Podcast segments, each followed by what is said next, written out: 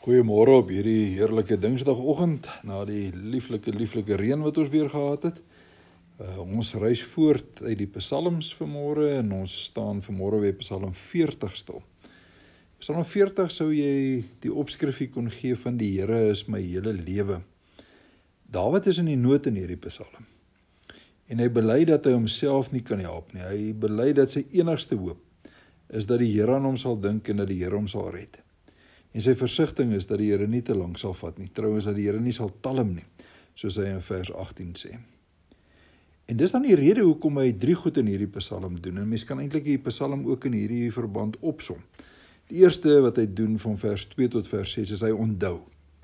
Hy dink terug aan die vorige ervarings wat die Here vir hom kom red het en hy getuig daarvan in die geloofsgemeenskap.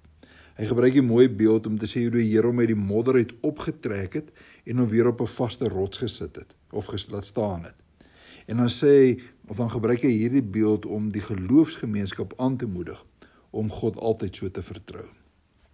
Dan die tweede deel vers 7 tot vers 11 is 'n gedeelte van toewyding waarin hy opnuut weer dink wat die Here van 'n mens vra. En dan som hy dit eintlik so mooi op in vers 9 as hy sê om u wil te doen. O God, is my een begeerte. U woord is my hele lewe. Hy vra, hy sê in daai paar verse dat die Here vra nie offers nie, die Here vra nie enigiets anders ter nie behalwe 'n stuk gehoorsaamheid, behalwe toewyding aan sy woord. En dan som hy dit so mooi op deur te sê om u wil te doen, Here. Dis my begeerte. U woord is my hele lewe. Dink bietjie vir 'n oomblik as ons na Johannes 4 en uh dink so 'n bietjie vir 'n oomblik as ons dink aan Johannes nee, kom ons sê. Dink so 'n bietjie 'n oomblik aan aan Jesus se lewe. Johannes 4 vers 34 sê vir ons so mooi dat dit is eintlik presies wat Jesus ook kom doen het. Dat ehm um, hy die een begeerte gehad het en dit is om die wil van sy Vader te doen en dat die sy Vader se woord het, het alles beteken in sy lewe. Dit het sy hele lewe gewees.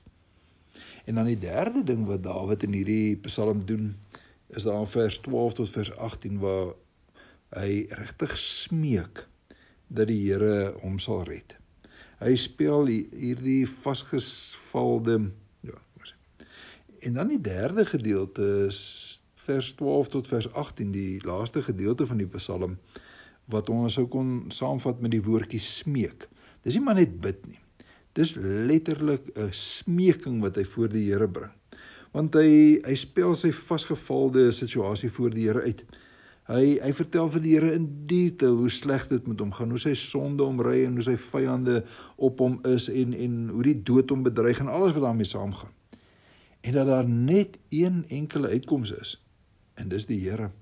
En daarom dat hy hom op God se ontferming en God se liefde en God se trou en en God se God se grootheid en God se hulp en en God se redding dat hy hom daarop beroep.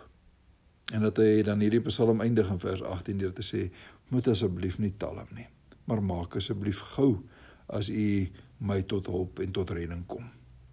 Jo, ek en jy sou hierdie Psalm waarskynlik al 'n paar keer in ons lewens kon bid, né?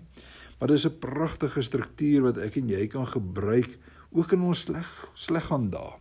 Ook wanneer ons deur ons eie krisisse en ons eie worstelinge gaan. Nommer 1 om altyd terug te kyk. En en God se goedheid en God se genade en God se uitkoms en redding in die verlede raak te sien, te sien hoe God altyd in die verlede ook voorsien het.